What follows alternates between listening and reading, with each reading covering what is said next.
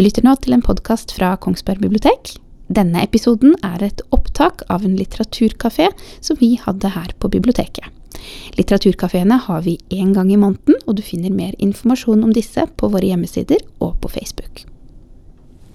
Velkommen.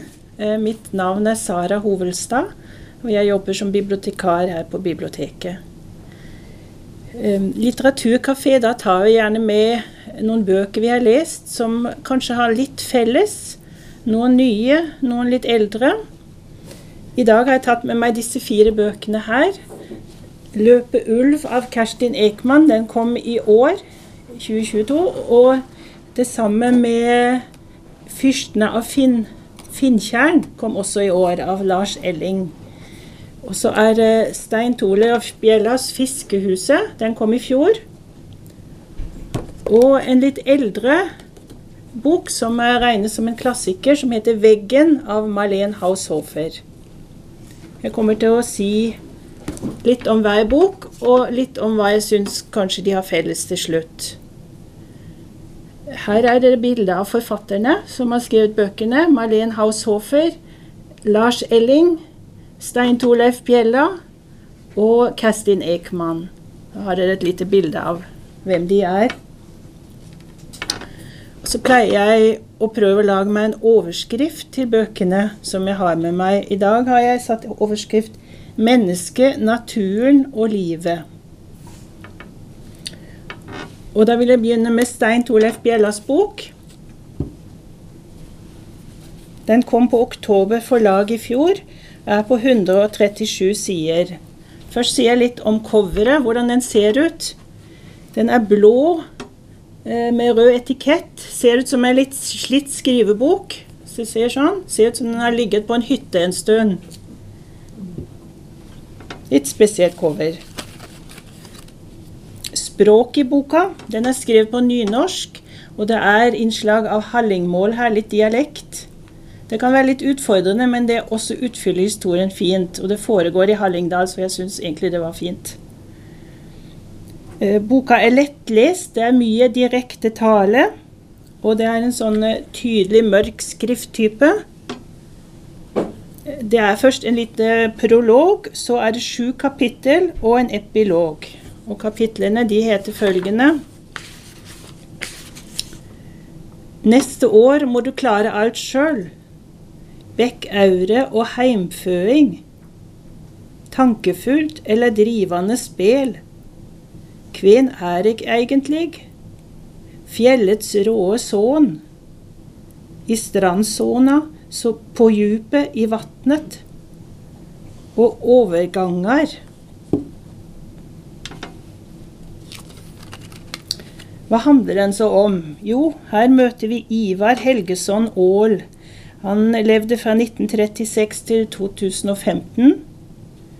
Og vi møter Jon Asleson Aall. Han er 47 år, hjelpepleier og musikant.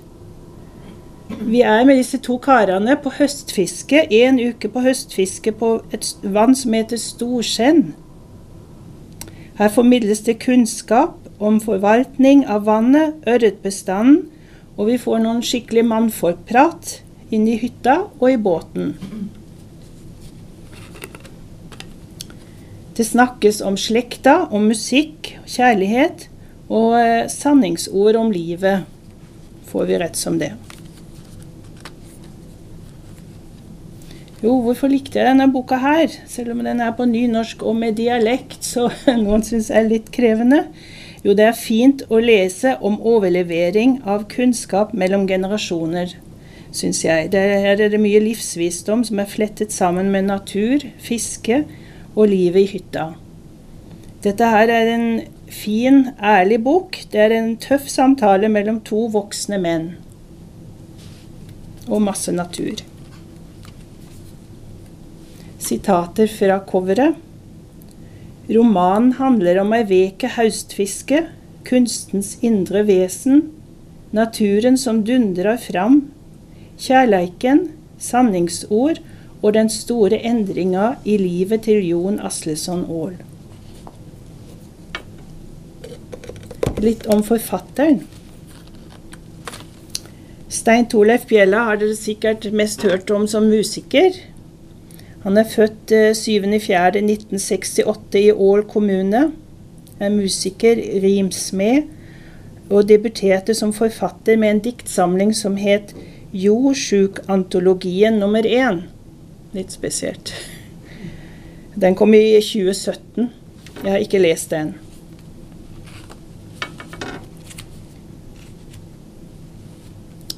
Ja, det var en litt nyere bok. Her er en litt eldre bok. Vi prøver å løfte fram også noen som kanskje har gått litt i glemmeboken, men som var veldig eh, aktuelle når de kom. Dette her er 'Veggen' av Marlene Haushofer. Den kom på Gyldendal Norsk Forlag i 1994, men eh, den kom i 1968 i Tyskland på et forlag. Og Originaltittelen het 'De vant'. Den er på 237 sider. Coveret, her ser dere et bilde av Bjørkeskogen. Det er et maleri av eh, den kjente maleren Gustav Klimt. Det er malt i 1903. Boka er ellers hvit og brun. Det er en del jordfarger, sånn som de blomstene der.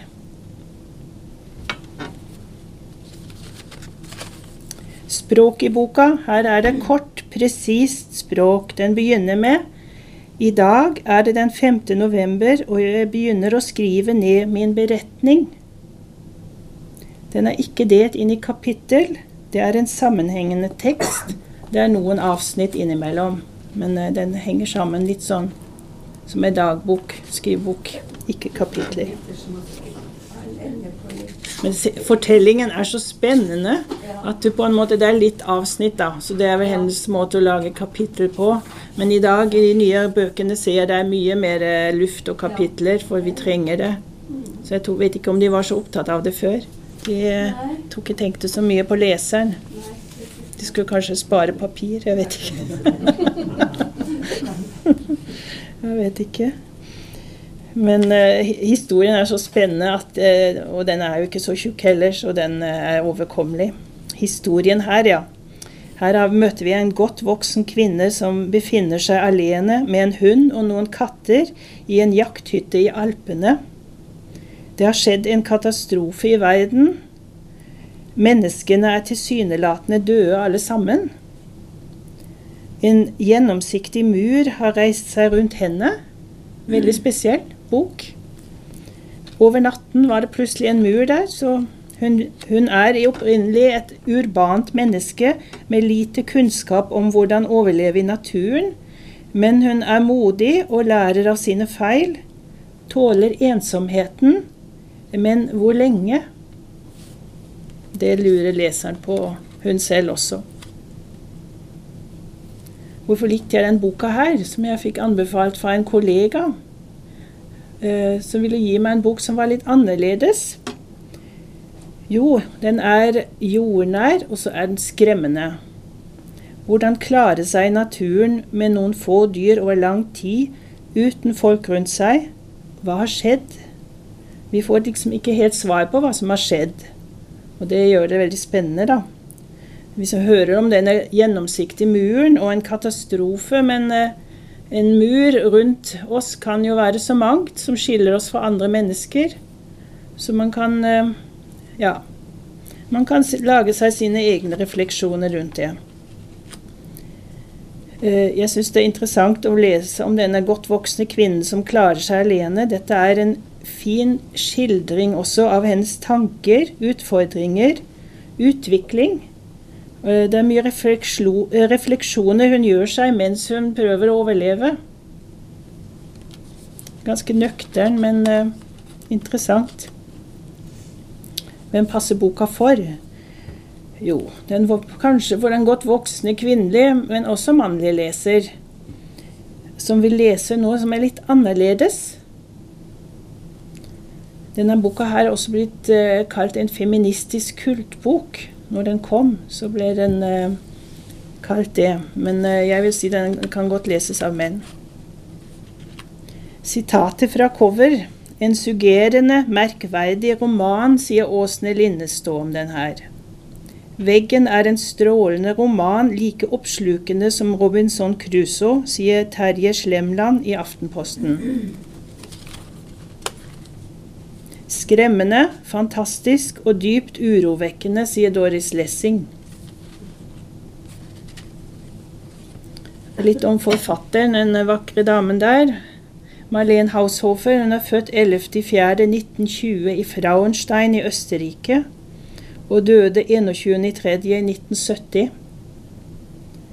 Hun er mest kjent for denne boka her. Hun har skrevet flere ting. Men denne her regnes som en moderne klassiker. Hun hadde studert germanistikk og debuterte i 1952 med en bok som het 'Das fünfte Ja'. De vant ble filmatisert i 2012 i Østerrike, og ble også satt opp eh, i Wien på teater det samme året. Så har hun skrevet to bøker som heter 'Die Tapetentyr' og 'Wir Tötensteller'. De kom på 50-tallet, 57 58.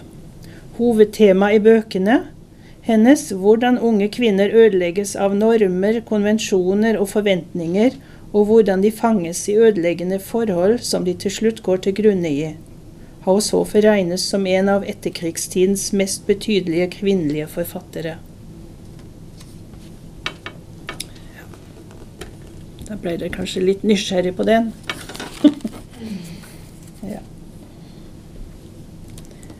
så er det ei bok som kom eh, i år. 'Fyrstene av Finntjern'. Den har dere kanskje hørt om? Ja. Veldig bra. Er det noen som har lest den?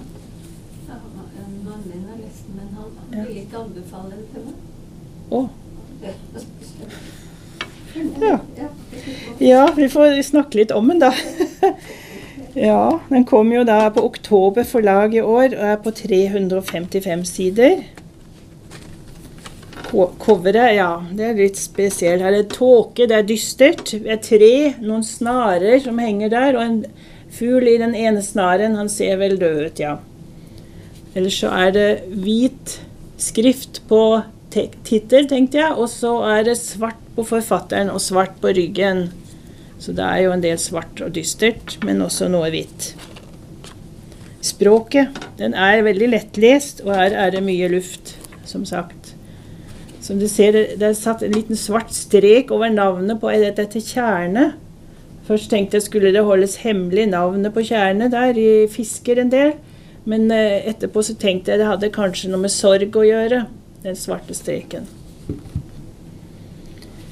Den er delt inn i fem deler med underkapittel, og delene heter Eplekrigen, Geskikte drenge, Nordmarka med tilstøtende trakter, Alveklekking, Blindkontur. Og så er det et lite innledende kapittel på fem sider om døgnflua, litt om fakter, fakta rundt døgnfluas liv. Historien her, jo. Vi er i 1985 og møter Philip. Som, eh, det er en ung mann som bor i en generasjonsbolig i Bekkelaget. I den boligen bor også bestefaren hans, Arnstein. Og i boligen ved siden av, der bor broren til bestefar, som heter Truls. Men disse to gamle mennene er ikke på talefot. De har faktisk ikke snakket sammen i mange år. eh, Hele voksenlivet, faktisk. Konene deres de driver og raker eplene i hagen fram og tilbake mellom eiendommene. Så Philip observerer det, og skjønner ikke helt hvorfor det skjer. Dette her er historien om to gutters barndom under sin strenge dansk-tyske far. Som de kaller da keiseren, for han bestemmer det meste.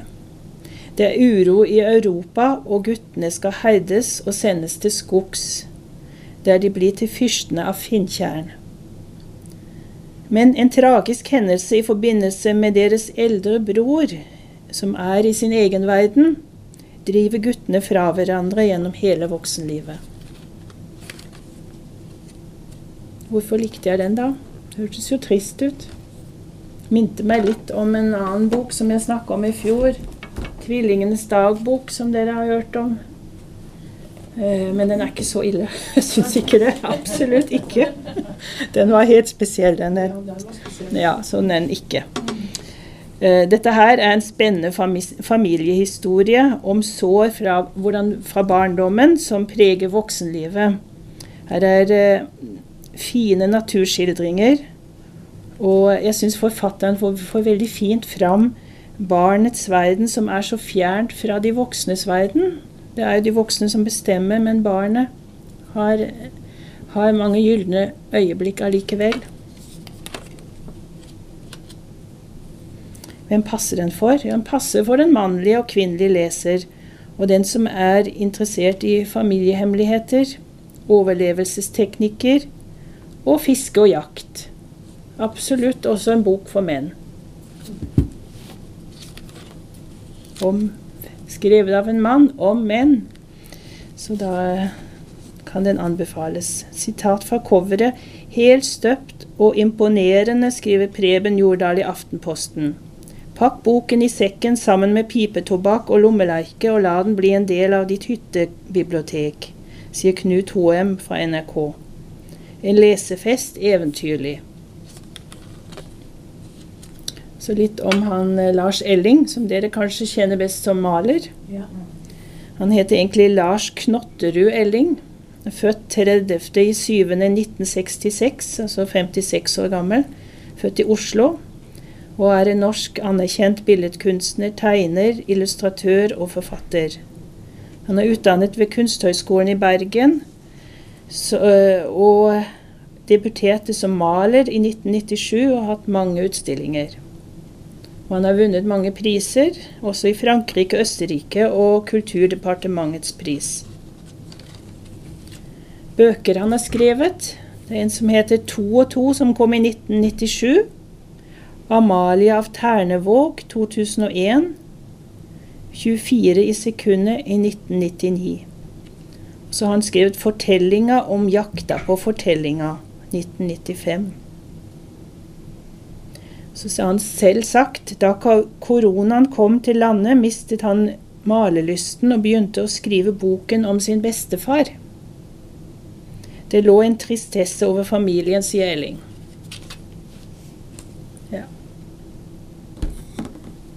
Elling. som han kjenner seg i denne Philip, da. Den unge gutten.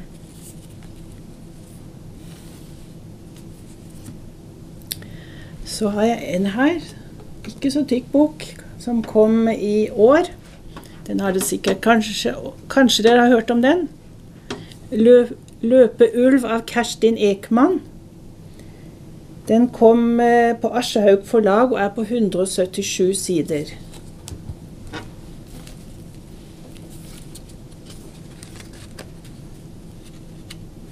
Coveret her. Her ser dere en ulv som ser rett på dere med gull i blikket.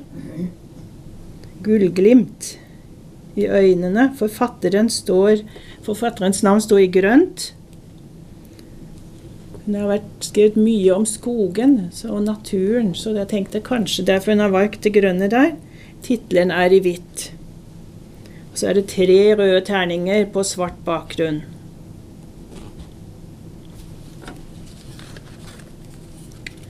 Språket her, og den også, har også et kort, presist språk. Det begynner med 'Det var kaldt, knapt dagslys ennå'. Det er en del avsnitt i boka. Skal vi se Ja, det er mye luft her, ser dere. Her er det ikke spart på papir. uh, en sammenhengende tekst er det, men mye luft imellom. Men det skaper en slags ro og flyt i historien, syns jeg. At den er sammenhengende med mye luft imellom. Ikke delt opp. Historien her, jo, vi er i Sverige et, i et bygdesamfunn og møter unge og gamle jegere.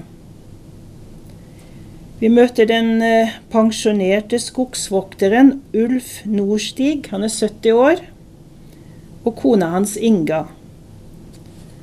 Eh, denne Ulf Norstig han får et møte med en ulv, og noe endrer seg i ham. Så begynner han å kjenne at kreftene begynner å svikte. Han begynner å bli eldre. Han sitter hjemme og leser jaktdagbøkene sine. Mens unge jegere står klar til å ta over. Og så skildres det parallelt med denne jakthistorien, eller disse jakthistoriene, så skildres også samlivet til det eldre ekteparet med ulvehistorien og jakthistorien som bakteppe.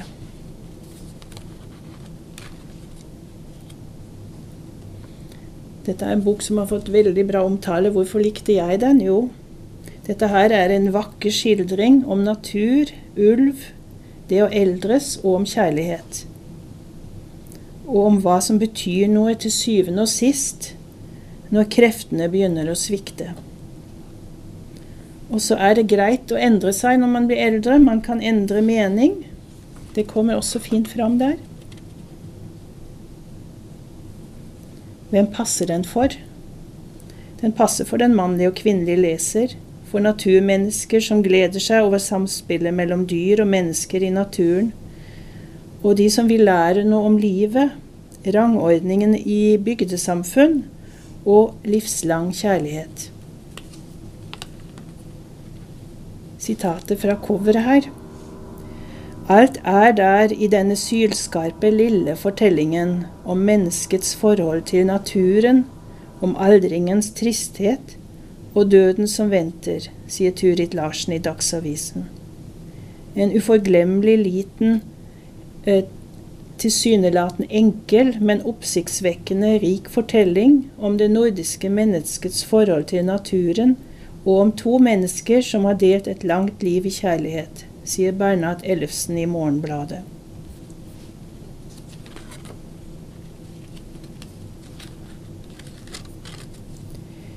Litt om forfatteren Kerstin Ekman, født 27.8.1933. Hun skriver denne boken i en alder av 89 år.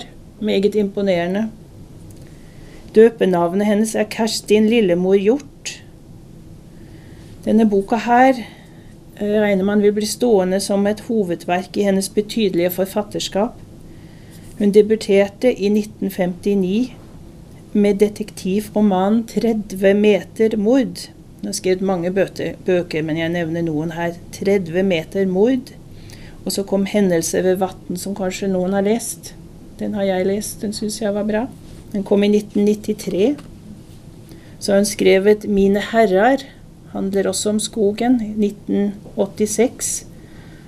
Og en triologi som heter Vargskinnet, som kom i 1999. Den består av Guds barmhjertighet, Morgenen kommer og Skrapelodd. Den er det òg en god del folk som har lest. Og det er en bra, bra triologi. Og så er det Mordets praksis, som kom i 2011. Hun har fått mange priser, bl.a. Nordisk råds litteraturpris og Selma Lagerlöfs litteraturpris. Så jeg har lyst til å lese litt for dere fra den, ja.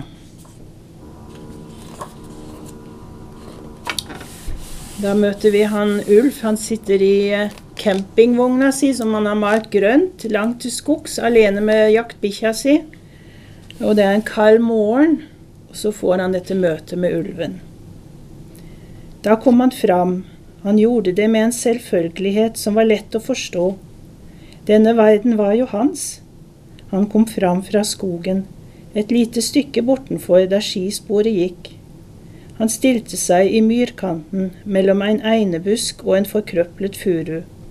Han så oppmerksom ut over myras lille snøvidde og snudde på hodet slik at jeg så profilen med den edle snuten den bratte pannen og ørene som sto rett opp. Det krevde stor varsomhet å ta kikkerten opp og skru ham fram til tydelighet. Nå vendte han ansiktet ut mot myra igjen. Det var så god skarphet i bildet at jeg kunne se de tette hårene i ørene hans og den svarte kanten rundt dem. Øynene satt en anelse skrått og var helt lyse. Han gjorde i det hele tatt et mektig inntrykk, med kragen av dekkhår og ull som var raggete og sto ut fra kinnene. Tegningen på kinnene var hvit og gikk ned i en spiss over halsen. Han hadde grå-hvite flekker over øynene og under dem også, men der skjøt det inn en stripe av grått ragg. Forbeina var høye og hvite, i hvert fall var de hvite på forsiden. Ikke noe av det hvite på ham var hvit som snø, snarere litt gul-hvitt. Ellers var pelsen grå med islett av dette hvite. Gråbein ble han kalt for lang tid siden, da folk ikke engang torde si navnet hans, som var ulv. Høye bein hadde han, en stor hann. Det trodde jeg jo allerede da jeg så sporene. Han tasset i en myk bue for å snuse bortover myrkanten. Det så ut som han ville begi seg mot stedet der byttet hans lå, men han stanset, løftet snuten og været. Ferten av meg hang selvfølgelig igjen, det blåste opp litt, og da kom den til ham. Nå snudde han og luntet inn mellom granene, forsvant. Skrubb, tenkte jeg, for det ble han også kalt før i tiden, og grå tass hadde jeg hørt farmor si. Nå hadde han gro grov, kloet og høybeint lusket inn i skogen, bort i sin tassemark. Da jeg kom til meg selv etter synet, merket jeg hvor stiv og frossen jeg var blitt av å sitte så stille. Hvor lenge det hadde vært vart, visste jeg ikke, det jeg hadde opplevd var hinsides all tid og all måling av den. Jeg tok en kopp kaffe til, spiste en osteskive og ga Senta en. Tenkte at hvis mobilen hadde hatt dekning her oppe, burde jeg ringt Inga, som selvfølgelig hadde sett lappen på kjøkkenbordet. Hun satt vel og drakk morgenkaffen sin nå. Men jeg tror ikke jeg ville ringt likevel. Jeg trengte å være for meg selv med dette en stund. Da jeg lot blikket gli over myra og myrkanten, så jeg ikke tegn til liv. Han kom ikke til å vise seg igjen. Ingen av dagene før da jeg satt her, hadde han kommet fram, og her inne i vogna hadde jeg selv sittet intetanende mens den andre levde livet sitt i skogen. Han hadde altså begitt seg ut på myra og felt den rådyrgeita, og minst én gang hadde han ett av den. Mørket kom tidlig denne dagen, som hadde begynt i dyp kulde og stillhet. Så dette er på kvelden, jeg trodde det var på morgenen. Nå grånet himmelen, og skyene begynte å strive, snøfnugg kom fykende med skarp vind. På værvarselet kvelden før hadde jeg hørt at det var mye snø i vente. Ikke nok med at alle spor ville bli visket ut, hvis de drev igjen på tømmerveien, ville det ikke lenger være mulig å komme hit med bil. Tømmeret som hadde ligget på velta, var fraktet bort.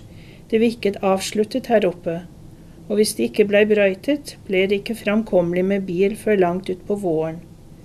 Men Høgbein fikk selvfølgelig være i fred nå. Ja, i tankene kalte jeg ham det. Jeg tenkte lenge på ordene. Være i fred.